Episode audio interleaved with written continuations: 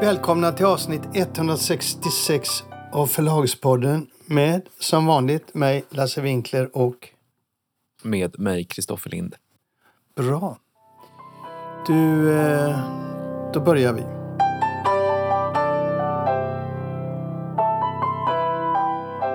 Ska vi börja med det här uppslaget i Svensk Bokhandel som väl kanske inte är det sexigaste vi kan ta men som ändå är intressant ur vår aspekt. Det är förlagsspecialen. Ja, men den är väl ur vår aspekt jättespeciell, eller jätteintressant. Det är liksom årets höjdpunkt kan man säga. Förlåt. Det får du, nog, du får nog förklara det där. Nej, det är inte årets höjdpunkt, men det är ju en, en mycket av den, den informationen som kommer där är ju inte ny för mig. Men det är, förlagsspecialen är en sammanställning av bokslut helt enkelt. Hur har det gått för förlagen? Och då sammanställer ju Svensk Bokhandel en väldigt stor mängd utav bokslut på ett sätt som ingen annan gör och som jag tycker är väldigt värdefullt. Och då grupperar de också, de gör liksom listor. Så de har en lista över de största förlagen och de största allmänutgivande förlagen.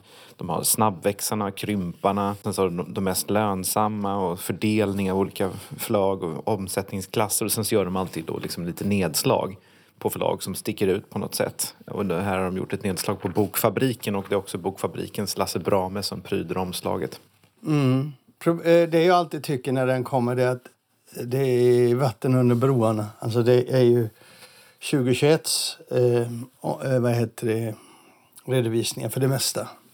Jo, jo, jo, visst, men det går ju inte att få fram tidigare för att många, alltså det är, de flesta lämnar ju inte in sina bokslut förrän efter sex månader och sen så ligger de och gosar med boksluten på Bolagsverket så att de blir inte offentliga förrän ungefär nu. Jag vet, jag säger inget om det. Jag bara säger att det är lite det som känns. Att vänta, där har vi väl passerat. Men det finns några intressanta grejer ändå att säga. För att om, även om underlaget är bra så är, tycker jag inte eh, sättet att presentera den särskilt eh, roligt.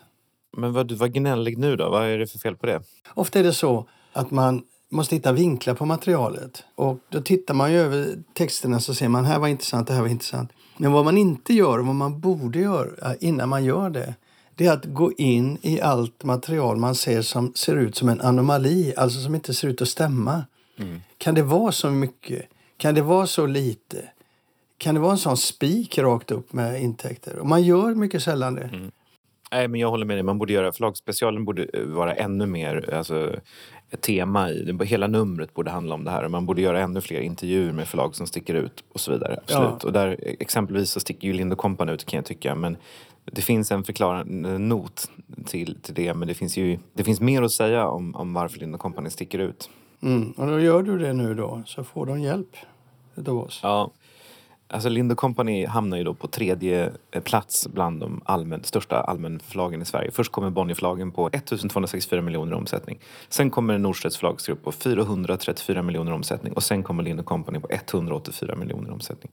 Och det är ju för att vi har förlängt räkenskapsår för att det ska harmoniera med vår nya huvudägare Storytel. Annars hade vi inte hamnat där. Annars hade vi hamnat på femte plats. Då hade både Harlequin, Nordic och Tucan gått förbi. Nej, Nej, inte nej, fjärde plats. Vi hade hamnat på fjärde plats. Dock kommer vi i år, eftersom vi växer i år, så kommer vi inta tredjeplatsen igen. Men, men det är ju en sån där ganska viktig eh, aspekt som folk inte noterar. Men i år blir vi tredje största allmänutgivande förlaget. Sen har vi ju resultatet som är makalöst bra, i synnerhet med tanke på eh, omsättningen. Resultatet ligger på 48,3 miljoner, det är ett resultat på 26 procent. Det är också en väldigt fin soliditet vill jag belysa. Resultatet är också en eh, vi har en, en väldigt god eh, underliggande lönsamhet men vi är just nu lite dopade av att vi har gått från att ta alla våra produktionskostnader på resultaträkningen och nu så lägger vi dem på balansräkningen, skriver av dem på fem år. Och det gör att vi, ganska många miljoner av resultatet kommer helt enkelt från ett nytt sätt att, Räkna. att, eh, att räkna på, ja, precis. Som gör att vi får en högre vinst än vad vi hade förut. Så ni är inte alls så snygga som ni ser ut i förlagsspecialen med andra ord. Nej, vi är lite mindre snygga än vad vi ser ut i förlagsspecialen men jag tycker vi är väldigt snygga ändå. Jag tänkte också på andra saker. Du, de försöker hitta vinklar som sagt och de har såna här eh, tabeller som snabbväxarna och krymparna. Och där tycker jag också att man mm, bara gör det lätt för sig. Man tar resultaten, man tittar inte på vad det är för företag som går in som snabbväxare. Nej, där håller jag med dig. Det finns eh, på första plats där bland snabbväxarna finns ett förlag som heter Prim, Primasta. Eller Prim, Primasta. Jag har googlat det. Förlaget har ingen hemsida och jag har ingen aning om vad det är för förlag. De omsätter 5,7 miljoner och eh, har ökat med 378 procent. Och då undrar man ju om det verkligen är ett riktigt förlag. Det, det låter inte så. Det låter Nej. inte ens som om det är något intressant. Är det en tillfällig produkt som man har gett ut så kanske man inte har den nästa år. Då är man borta. Nej, men jag håller med dig. Men en, en, en fråga där är också just, vad, vad är egentligen ett förlag? Alltså när man, när man hamnar i den här eh, förlagsspecialen. Jag gissar att de utgår från den här ISSN-märkningen som jag tror att det kallas. Som är en klassificering utav företag. När man, när man grundar ett företag så får man liksom fylla i den sån där. Man får liksom själv uppge vad det är för verksamhet man bedriver och då får man ett sånt där ISSN-nummer och utifrån det man klassas. Det finns ju då alltså i den här, i den här eh, förlagsspecialen så ingår 376 förlag men det finns inte 376 förlag i Sverige. Nej. De flesta då ligger, 166 av de här förlagen har en omsättning under en miljon. Mm. Och det är ju inte, det är inte seriöst så att säga. Alltså, och 86 stycken har en omsättning på mellan en och två miljoner. Och det, många av de där är ju inte förlag. En del kan ju vara egenutgivare, en del kanske har gett ut en bok men många är ju någon slags hybridverksamheter och har blivit felklassificerade. Mm. Det kan vara intressant för lyssnarna att känna till då att det bara är 15 förlag som har en omsättning över 100 miljoner och då ingår även läromedel i det. Tar man bort läromedel så är det ju bara fem förlag som hamnar över 100 miljoner. Jag skulle vilja se en förlagsspecial som handlar om allmänutgivande förlag. Där man är noga med att det är allmänutgivande förlag. Att man kan göra en liten artikel om läromedel. Eller ha något annat med läromedel senare för det blir lite konstigt att lägga de största förlagen och sen inte prata om dem. De här stora läromedelsförlagen. Jag skulle vilja se det. Och sen skulle jag vilja se att man tog ut förlag som man inte pratar om. Alltså det finns småförlag. Jag har ju, du vet ju att jag har ett, ett litet favoritförlag som heter Tristero. De omsätter inte så mycket. Men jag hade tittat på det och så hade Tristero, jag... det var ett tråkigt namn. Ja, det kanske du tycker. Men, men de är väldigt spännande förlag. Två grabbar som ger ut böcker när de har råd. Men det intressanta i ett sånt här förlagsspecial, som ju är ekonomi, det är att ställa de här frågorna till de här små också. Hur fungerar det? Hur kan man leva på det sättet? Och vad driver er?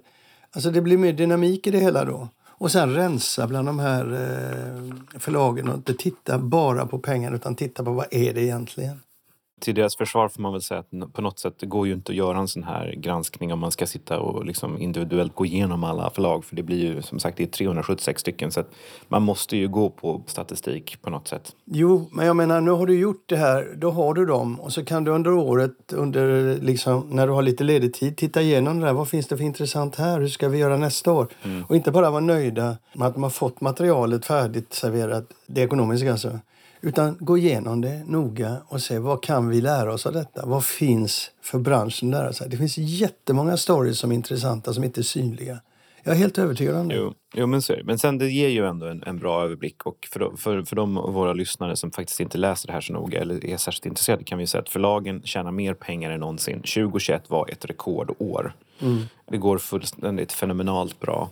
Och där, så precis som du påpekar då så är det ju gamla siffror. Det var en stor stark försäljningsökning som kom efter pandemin. Och förlagen har alla sparat in på pengar för man har ingen, inga resor, inga mässor, ingen representation. Och det säger både företrädare för Bonnier och Norstedts. De lyfter fram det särskilt att de där kostnaderna har vi fått nu i år.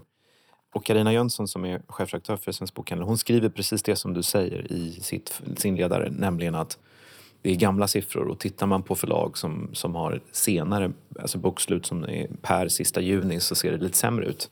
Bland annat Tukan och där säger Christian Bangmelke något som, som ju är tänkvärt att ha med sig in i nästa år. Nämligen att vi har seglat med fulla segel rakt in i en lågkonjunktur. Mm. Det kanske gäller ganska många förlag så vi får ju se hur 2022 och framförallt 2023 blir. Framförallt 2023 ja. Ska vi släppa den här nu? Mm. Okej. Okay. Vad, vad ger du Tristero ut för böcker då? De ger ut, eh, de kallar det Southern Got, alltså eh, deras författare är amerikanska. De kommer från södra USA och de är, ger ut böcker som lite grann skuggsidan men också med en hel del burleska inslag, mycket humor svarta, svarta, svarta. Alltså noir räcker inte för att säga vad det är för böcker. Det låter väldigt nischat. Ja, men nu går de ut, eh, Cormac McCarthy, en bok. Jag har ju hittat pärlor där som jag måste säga är fantastiska. Så det där är ett litet förlag som inte gör så mycket väsen av sig men som jag alltid har koll på. Mm. Det hade jag velat se en berättelse om. Ja. Till exempel, det finns många fler sådana förlag där de brinner, verkligen brinner. Här handlar det om siffror så att det ska ju vara något som sticker ut mm, resultatmässigt upp eller ner. Mm. Men de har ett material nu, de kan gå igenom det så kan de krydda hela året med berättelser vad de hittar där. Mm. Vi släpper det. Ja, de måste vara glada över att få bra tips från för detta chefredaktör. Som tandvärk på julafton, tror jag. Mm.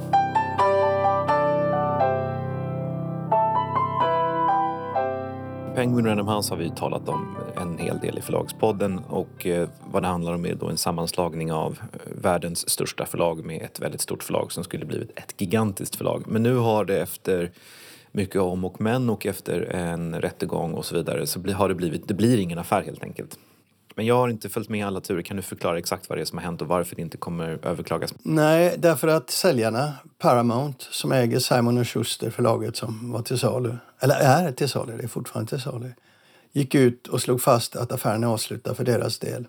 Och eh, det betyder, det fanns nämligen en klausul i, i, i kontraktet eller avtalet att om det inte blir någon affär så ska Penguin Random House betala 200 miljoner dollar i kompensation till Paramount. Så det får de nu då.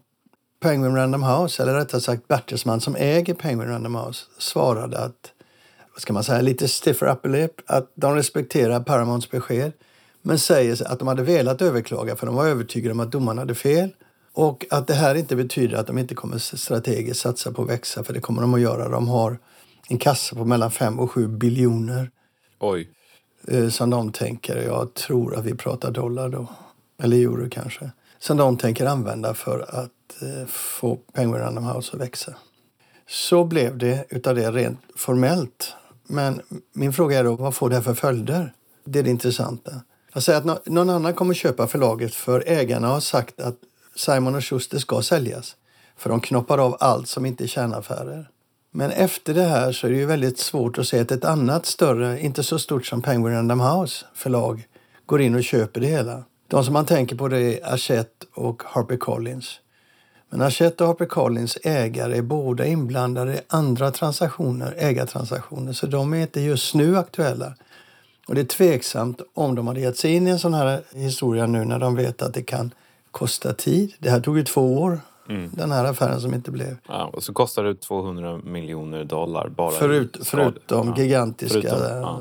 vad heter det, Mycket- Vet man, hur mycket de, vet man vad advokatkostnaderna ligger på? Nej, det kan man bara gissa. Jag tror inte du gissar fel hur mycket du än gissar.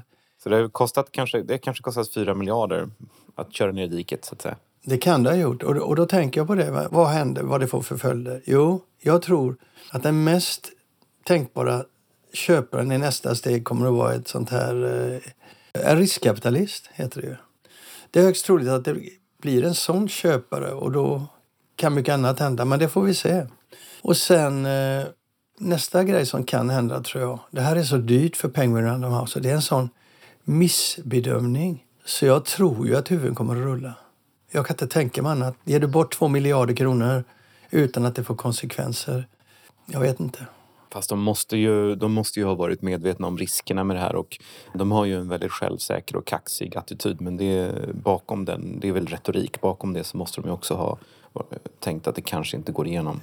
Så är det ju. Men i slutändan är det ändå så när, när facit är klart att det spelar inte så stor roll utan någon kommer få betala det här tror jag. Mm. Vi får se. Det är det som är utfallen som jag tycker är intressant. Ny köpare och vem som får betala för misslyckade affärer. Ja, Det drabbar ingen fattig i alla fall. Nej, det kan man ju säga. Det gör det inte. Det var ju världens största allmänutgivande förlag. Det är småpengar för Penguin Random House. Jo. Fast det bär mig emot att kalla det småpengar oavsett. Två miljarder. Du, eh, nu har ju Spotify gått ut på marknaden och lanserat sig. Att de har öppnat eh, en katalog i USA förra månaden och nu i Storbritannien, Australien, Nya Zeeland och Irland. Mm. så säljer de nu, eller har de nu möjligheten för eh, deras kunder eller för alla intresserade att köpa ljudböcker styckvis, precis så som största aktören på marknaden, Audible, har gjort i herrans massa år. Mm. Innan vi funderar på vad det betyder så är det intressant att se hur de lanserar sig. De slår på stort och säger vi, vi erbjuder detta till väldigt många människor. Det är något helt fantastiskt och väldigt många kommer att hoppa på, säger de. Det är som om det inte finns några andra på marknaden. Det, det är som om det inte finns... Det är en affärsmodell som är gammal och beprövad och alla ligger före dem i spåret. Det de har till sin fördel är att de har en plattform. De har jättemånga människor som är där. Men kommer de att använda sig av Spotify? En del gör det säkert. Men varför gå från Audible till Spotify eller Storytel till Spotify? Det finns ju ingen poäng.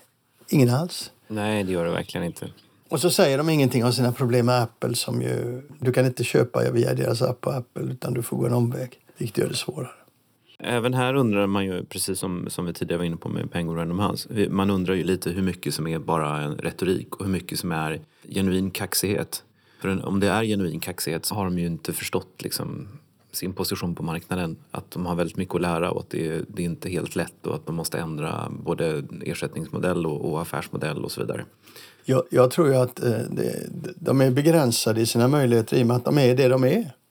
Så kan de inte gå utanför den bilden av sig själva utan de får göra så här och så får de sakta, det här kommer att gå sakta, sakta, sakta. I ett nästa läge så kan det hända att de har en affärsmodell som fungerar. I nästa läge kan det hända att de justerar och blir intressanta. Men just nu är de väldigt ointressanta, tycker jag. jag ser ingen, de har 300 000 titlar, säger de på engelska. Då. Jag ser ingen poäng överhuvudtaget med att gå via dem. Nej, det finns ingen, det finns ingen poäng. Nej. Men jag nämnde Audible. Och det hände samtidigt som det här så gick Audible in i Indien. Och så satsade de på strömmande formatet, alltså inte styckvis som de gör. Det är i och för sig sjätte marknaden där de satsar på strömmande. Mm. Men det intressanta här är inte det, utan det intressanta är vad säger det om den indiska bokmarknaden? Om Audible? Vad tänker du när du hör det? Nej, men jag tänker ju att det, det, är ju det strömmande erbjudandet, det vill säga all modellen det är ju den modell som är attraktiv för kunderna och det är ju den modell som krävs för att ljudboken ska växa väldigt snabbt. Och det är ju den modell som Audible egentligen antagligen vill, vill använda och applicera för det är det som funkar bäst. Men de måste få med sig de stora förlagen och uppenbarligen så har de fått det då i Indien. Eh, och de marknader där, där de har det här det är ju då marknader där Penguin Random House inte är så stora så att de kan stoppa det. I Indien så finns ju alla de anglosaxiska förlagen. Ja, jag vet. Och de är väldigt starka och de är väldigt drivande i Indien. Men jag tror ju, nu vet jag inte om de har fått med sig alla, men jag tror ju att det är så att i Indien så är ju bokläsandet, i kretsar är det väldigt stort. Men det är en stor befolkning, det är över en miljard människor. Sett så, så är det inte så många som läser. Men med ljudet så kan de liksom komma åt analfabetismen. De kan komma åt mycket av bristande strukturer i Indien och den vägen växa på bokmarknaderna växa. Jag, tror att, jag tycker det verkar jättespännande. Det är klart att det finns enorma hinder. Just det där som du beskriver är ju säkert en förhoppning men om, om det är något som vi hittills har lärt oss och, och kan se av, av, utvecklingen så är det ju att ljud, de som går över och börjar lyssna på ljudböcker det är de som redan läser. Det är väldigt svårt att etablera ljudboken i länder och kulturer där läsningen är låg. Mm. Men, men jag tror ändå att den, eh, det här är en, en strategi som kan eh, visa sig väldigt effektiv. Jag menar inte att hela Indien ska läsa ljudböcker. Det är inte så jag tänker. Men jag tror att det finns en marknad där som är större än den du ser idag. Och dessutom, vad är det de har? 13 språk eller vad är det? Ja, det är ju en utmaning för den marknaden. Ja, jag, jag skulle vilja följa det närmare och se vad som händer där. Mm, jag tycker det var intressant. Jag tycker det är intressant. Mm.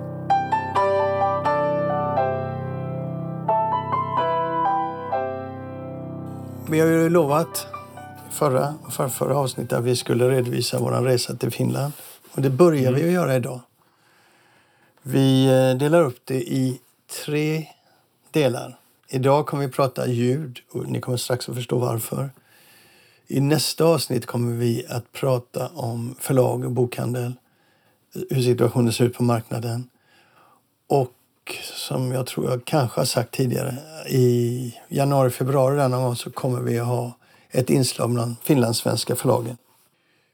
Vi har en intervju eh, idag med Sari Forsström på Bookbeat. Och nästa vecka har vi en intervju med Timo Julkunen, chef på Bonnierägda VSA. Och Tammy. Det är väldigt intressanta samtal. De är, är öppna och de är informationsrika. Vi ska inte förstöra samtalet med Sari Forsström. Men det finns några grejer att prata om vad vi själva upplevde när vi var i Finland när det gäller just ljudböcker. Har du några reflektioner du vill börja med? Ja, jag vet inte, men alltså den mest uppenbara reflektionen, och det kommer hon ju komma in på också, det är ju hur snabbt det gick i Sverige. Att det som tog, eller Finland. snabbt gick i Finland. Alltså det som tog 15 år i Sverige, det gick på fem år i Finland. Jag tror det är världens snabbaste etablering av en djupt penetrerad ljudboksmarknad. Jag tror inte Ja. du kan se det någonstans i världen. Nej, och för mig är det där en otroligt eh, intressant sak därför att jag hoppas ju att det ska hända, att det är som en ketchupflaska vi skakar på, att det helt plötsligt ska bara spruta ut i Nederländerna, i Polen, i Frankrike. Om det hände i Finland så borde det kunna hända där också. Ett stödjande faktum i Finland är ju att Finland hade väldigt lite ljudböcker när Bookbeat etablerade sig där. Finland var inte som Sverige och Norge, länder där ljudboken var ett fenomen som faktiskt fanns långt innan streaming. Alltså vi hade ju Bonniers lyssnarklubb, man lyssnade på CD-skivor. I, Bonnier, eller I Norge fanns Fabel och mm, Lydboksförlaget och sådär. Vi hade en lång tradition och det användes ju ibland som en förklaring till ja, ja, men Sverige och Norge det kanske kan funka, men Finland är annorlunda. Det sa man ju länge. Så jag, jag, jag tänker lite grann att det där är liksom, Finland är en, en, eh, visar på hur det faktiskt kan bli också i andra delar av världen. Att helt plötsligt kan det bara säga pang. Mm. Det är min ena fundering. En annan fundering är, det är den här liksom 10 000 kronors frågan för alla på något sätt. Det är hur stor kan ljudboksmarknaden egentligen bli? Jag trodde ju i Sverige att det aldrig skulle kunna växa mer. Jag trodde liksom när vi var vid 2007, 2018, 2018, 2019 då trodde jag nu, växer det inte mer. Sen har det bara fortsatt att växa. Och hittills i år så har ju ljudboksmarknaden vuxit med det har varit 8-9 procent och alla har sagt nu är det slut. Och jag har också tänkt att det kan inte bli så mycket större nu. Men i Finland har man ju, eftersom det gått så snabbt och eftersom tillväxten fortfarande är så hög så, så, så finns det liksom i människors medvetande i Finland inget tak på hur mycket mer som ljudboksmarknaden kan växa. Nej. De här siffrorna som eh, de själv Förläggarföreningen visar då. 2018 växte det 48 procent, 2019 57 procent, 2020 97 procent, 2021 75 procent. Ja, det är helt galet. Och då, då, då, då tänker man ju att det kan inte gå från att växa 75 procent till att växa 2 procent. Liksom, utan det kanske finns en stor tillväxt kvar i Finland. Och finns det en stor tillväxt kvar i Finland, då går de om oss. De är redan där. Eh, sett till, till per capita är de där. Hon, hon pratar om det, Sari, så det ska vi inte ta. Men det är så idag alltså att förlagens utgivning, de stora förlagens utgivning, där är alltså ljudboken 50 till 35 procent utav den totala intäktsmassan. Ja, men så är det ju i Sverige också idag på allmänutgivning. Och det här finska undret, liksom kraften och snabbheten i den finska tillväxten, den, den får ju mig att tänka att vi kanske bara tagit en paus här i Sverige. Det kanske kommer liksom 2023, 2024, då kanske ljudboken kommer växa med 25 procent igen. Ja, vi får se. Men du, en sak vi hade med oss när vi åkte, det var ju förlagsgruppen Ottawa hade ju precis köpt in sig med en liten post i Storytel. Mm. Och Eh, nu när vi har varit i Finland så har jag inte fått anledning att ändra min tanke om varför de gjorde det tvärtom. För jag vet inte om du tänker om det, men alla jag pratade med pekade på det att Ottawa gjorde fel rent strategiskt och valde bort ljudboken väldigt, väldigt länge.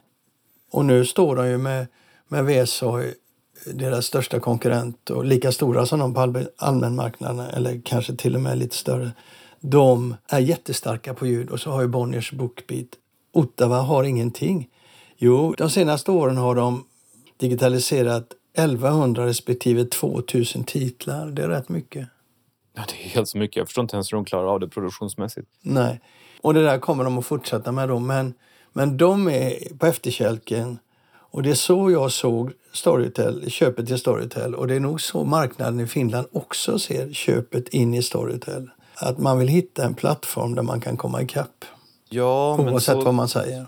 så eh, såg vi väl på det eh, innan vi var i Finland och talade med folk om detta. Men min känsla efter att ha fått de upplysningar som vi fick i Finland det är väl att det kanske är lite mindre strategiskt än vad vi trodde när affären tillkännagavs. Det vill säga att bakgrunden är just detta att Ottawa har underpresterat på ljud. Nu vill man liksom man vill kompensera för det och då köper man sig in i Storytel. Man liksom, den största distributören av, av ljudböcker i Europa eller något sånt där. Och det, ehm, det finns kanske ingen eh, övergripande masterplan. Vi började ju direkt fundera på ska de slänga ner eh, Sommarlining eh, plus ska Ottawa börja samarbeta med Storytel. Som, jag tror inte det finns några sådana planer. Jag tror att det är liksom, man har missat ljudbokståget och nu vill man köpa in sig billigt i den stora ljudbokstjänsten. Jag tror att det bara är, är så enkelt. Det tror jag också. Det, vi kan ha fel där, men efter att har varit där och pratat med folk i branschen och även pratat med Ottawa så jag är övertygad om att det handlar om det. Att man försöker kompensera sin strategiska misstag. Sen kan det ju vara så att det sen blir strategiska samarbeten av det också. Men jag tror inte att det finns liksom några sådana tankar nu. Det ska också sägas till de som lyssnar ska jag säga, så att de har då i nyemissionen gått in och fått 3,5 procent. Så det är ju väldigt lite. Mm. Men det är nog inte det sista steget man tar. Nej, säkert inte. Vi släpper och så låter vi eh, Sari Forsström komma in. Och lyssna på det för att hon har en hel del fakta och hon kan förklara rätt bra varför Finland idag är minst lika stort på ljudboksmarknaden som Sverige. Eller större. Jag tror att de är på väg att bli lite större. Och eh, det är en spännande berättelse som jag tror många länder skulle kunna, som du säger, följa efter i. Och så här låter det. Hej, Sari Forsström. Hej. Du är ansvarig för Bookbeat i Finland. För affärsutveckling i Finland, yes. Och Bookbeat i Finland har en annan position på marknaden än vad Bookbeat har i Sverige. Yes. Vad har ni för position på marknaden? Ja, man kan ju säga att det är bra. Vi är och har varit hela tiden från det vi började marknadsledare i Finland och det är ju visst roligt. Men hur ligger vi så där exakt? Det är ju lite svårt att säga. Men när man kollar olika statistik och pratar med förlag så, så ligger vi väl någonstans över 50 procent av hela marknaden. Och mm, det är ju visst roligt, måste man medge. ja, så kan man ju uttrycka det. Men det har hänt mycket i Finland under de senaste sex åren också. För att börja med att i 2016 när vi började, det var, det var ju inte så många titlar ens på, på finska som ljud då, så att vi talar ju närmast om några hundra. Hur många titlar finns det då? Ja, på finska, nu måste jag säga att jag har inte exakt koll idag men det måste ju vara en femsiffrig antal finska ljudböcker numera så att det har ju blivit otroligt mycket mera. Men jag kommer bra ihåg tiden som jag väldigt mycket önskade att vi skulle nå tusen styck i mm. finska ljudböcker. Och det kom ju till nog ganska snabbt det, men, men i början var det, det var ont om böcker så att säga. Det var, det var roligt att ha kunder och de från första början hade vi känslan att de gillar det här konceptet och de vill lyssna på böcker men katalogen var, det kan man nu säga, att den var ganska smal ändå att börja med. Men eh, idag har ni alltså över 10 000 titlar? Ja, på finska. Mm. Sen har vi visst också den katalogen som alla BookBeat-tjänster har så att det stiger ju över 700 000 mm. idag. Men du, eh, det som är, två saker som är intressanta här det är att förra året så gjorde ni en liten genomgång för att se, jämföra svenska och finska marknaden. Yep. Och jag har pappret framför mig här och då är det, man värderade då att i Sverige så var det 800 000 användare av en befolkning på 10,4 miljoner mm. invånare. Och det blev en andel av befolkningen på 7,68 procent. Yep. Som man har nått på 15 år. Och Finland då har då 400 000 användare på en befolkning på 5,5 miljoner invånare och det är 7,21 procent. Yep. På fem år. Japp. Och nu har du gjort en ny sån va? För i år? Jo, vi har kollat det på nytt och nu tänker vi att det säkerligen ligger någonstans över 450 000 användare. Säkerligen närmar sig 500 000 i Finland så det har ju vuxit igen. Så er uppfattning blir då att ni är större eller lika stora som den svenska marknaden? I relation till antal eh, ja, invånare? antal invånare, yes, yes. Det säger ju väl att finländare de älskar ljudböcker. Och de, de kom till den slutsatsen ganska snabbt om man relaterar till Sverige. Men då igen, det är ju inte liksom ni börjar så mycket tidigare än vi. Så, Mm. Det är det som är spännande, att ni har Ja. kommit ikapp Sverige på sex år och Sverige har på i 16 år nu då kan man säga. Ja, just det. Men hur ser affärsmodellen ut? Vad kostar det att ha ett BookBeat-abonnemang? Uh, det kostar 14,99 euro om man har 100 timmars abonnemanget och sen har vi 9,99 för 20 timmar per månad. Så att vi har två olika paket. Och ni har inte något paket där man kan lyssna mycket man vill? Nope, vi har inte mera eh, unlimited ute. När, när stoppade ni det? Nu är det svårt att komma ihåg, men jag skulle säga någonstans i ja, sent augusti var det väl. Denna höst åtminstone. Mm. Men det ger effekt på lönsamheten antar jag? Ja, det, det hoppas vi förstås. Blev ni av med många prenumeranter när ni gjorde så? Mm, ärligt sagt skulle jag säga nej, inte så många. Nej.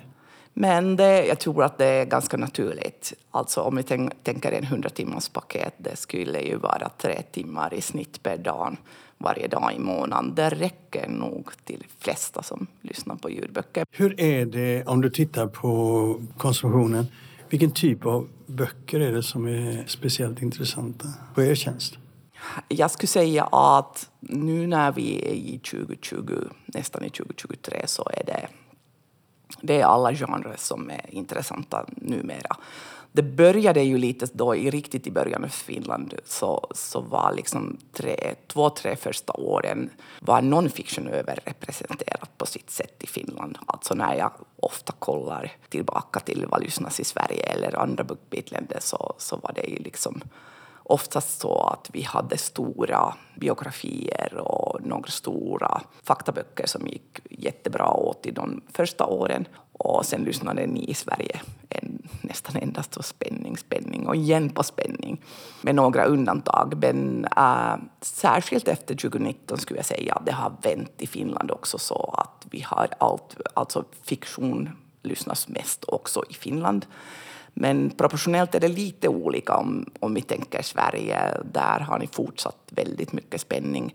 Väldigt mycket spänning lyssnas hos oss också. Men eh, det är nog annat fiction som, som presterar väldigt bra också i Finland och är proportionellt lite större än, än spänning som han kanske skulle den nu ta 40 procent av, av hela fiction-enheten. Men så förstås alla andra genrer också, barnböcker och non-fiction går bra åt också.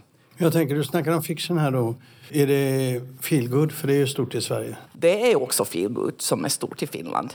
Men det som har liksom, jag skulle nästan säga att det, det stora som har liksom skett under två, tre senaste åren är ju det att det är inte mera endast böcker i topp 50 eller topp 100 och de 50 största författarskapen som, som regerar, utan det har liksom det här kommer ju visst också från det att katalogen har blivit så mycket större.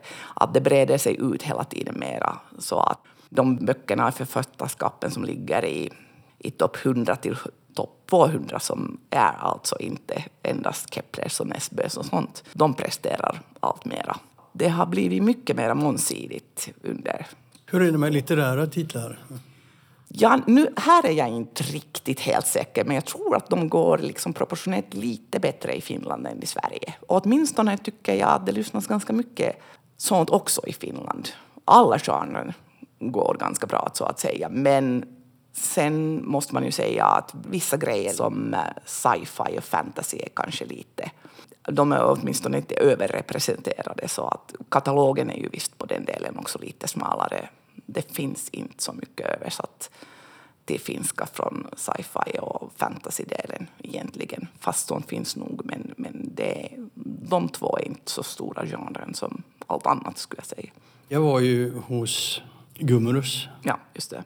och de berättade då att ljudböcker är då 50 procent av deras... eh, Ja, säkert det. Och ni är också deras största kund. Ja, så hör jag. Mm. Är det fler förlag där ni är så att säga, största kund eller där ni är viktigast? Jag skulle säga att det är fler förlag där vi är största kunder. Jo, det hör jag nog, men vilka, det, det kan jag inte riktigt säga. Vad kommer det sig att finländare lyssnar så mycket på böcker då? Om man nu går tillbaka till det att man liksom äh, tittar på Sverige och varför har det varit så snabbt här och varför är det olika? Det har ju att göra med timing. Alltså ni började ju mycket tidigare med ljudböcker och abonnemangstjänster.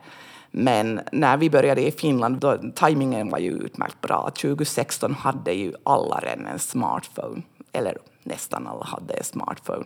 Så att folk var ju redan jättevana med det, att man kan installera appar och det finns streamingtjänster och de hade ju kollat hur mycket som helst på Netflix och, och sånt. Så att de var ju liksom väldigt färdiga att hoppa på.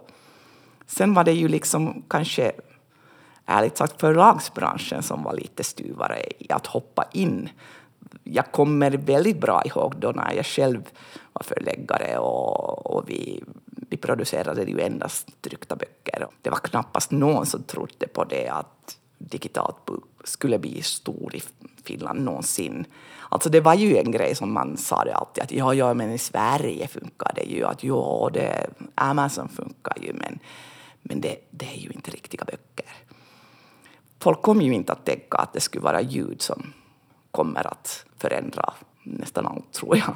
Det, de tänkte att man ska läsa e-böcker och det växer ju inte fortsatt så snabbt som man skulle ha kanske tänkt i början av 00-talet. Så att, men det växer det ju också, men, men det är ju olika. Så att ljudet var ju grejen. Och det insåg ni ju först i Sverige. Där måste man ju medge att ni, det, det kom ju bäst. Men jag, jag funderar hur det kunde gå så fort.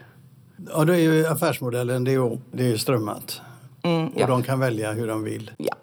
Och sen så smäller det. Men jag, inte, jag tänker att förlagen är som du säger, de är lite trögare att komma till skott. Japp, men sen tror jag också att det är lite med finska folket att det var kanske riktigt i början lite trögt. Men sen började det ta... mm, Det, det tog ju liksom... Det, det blev ju ganska snabbt så att nästan alla insåg att eh, nej men hej, det här funkar ju. Nu måste vi ju investera. Nu måste vi ju producera ljudböcker. Alla slängde ju sig över sin backlist och, och, Ja. och började producera ljudböcker. Aktörer på marknaden då, det är framförallt Bookbeat och Storytel. Japp, men sen har vi ju flera. Lite, lite Storytel och vi är först och främst det största och vi som marknadsledare. Men sen, sen finns det ju nog flera andra aktörer som är, är på fältet också. Så att det finns ju Nextory, det finns äh, Suomalainen Plus, det finns Supla och Elisa Kirja som egentligen är den första som sålde ju styckvis digitala böcker redan i Ja, det var väl i slutet av, riktigt i slutet av 90-talet som de har börjat. Så att de var ju pionjären på digitala böcker, men, men det visades ju ganska tydligt genast i 2017 18 att eh, single sales är ju inte grejen som, som vi vet både från Sverige och Finland och alla nordiska länder.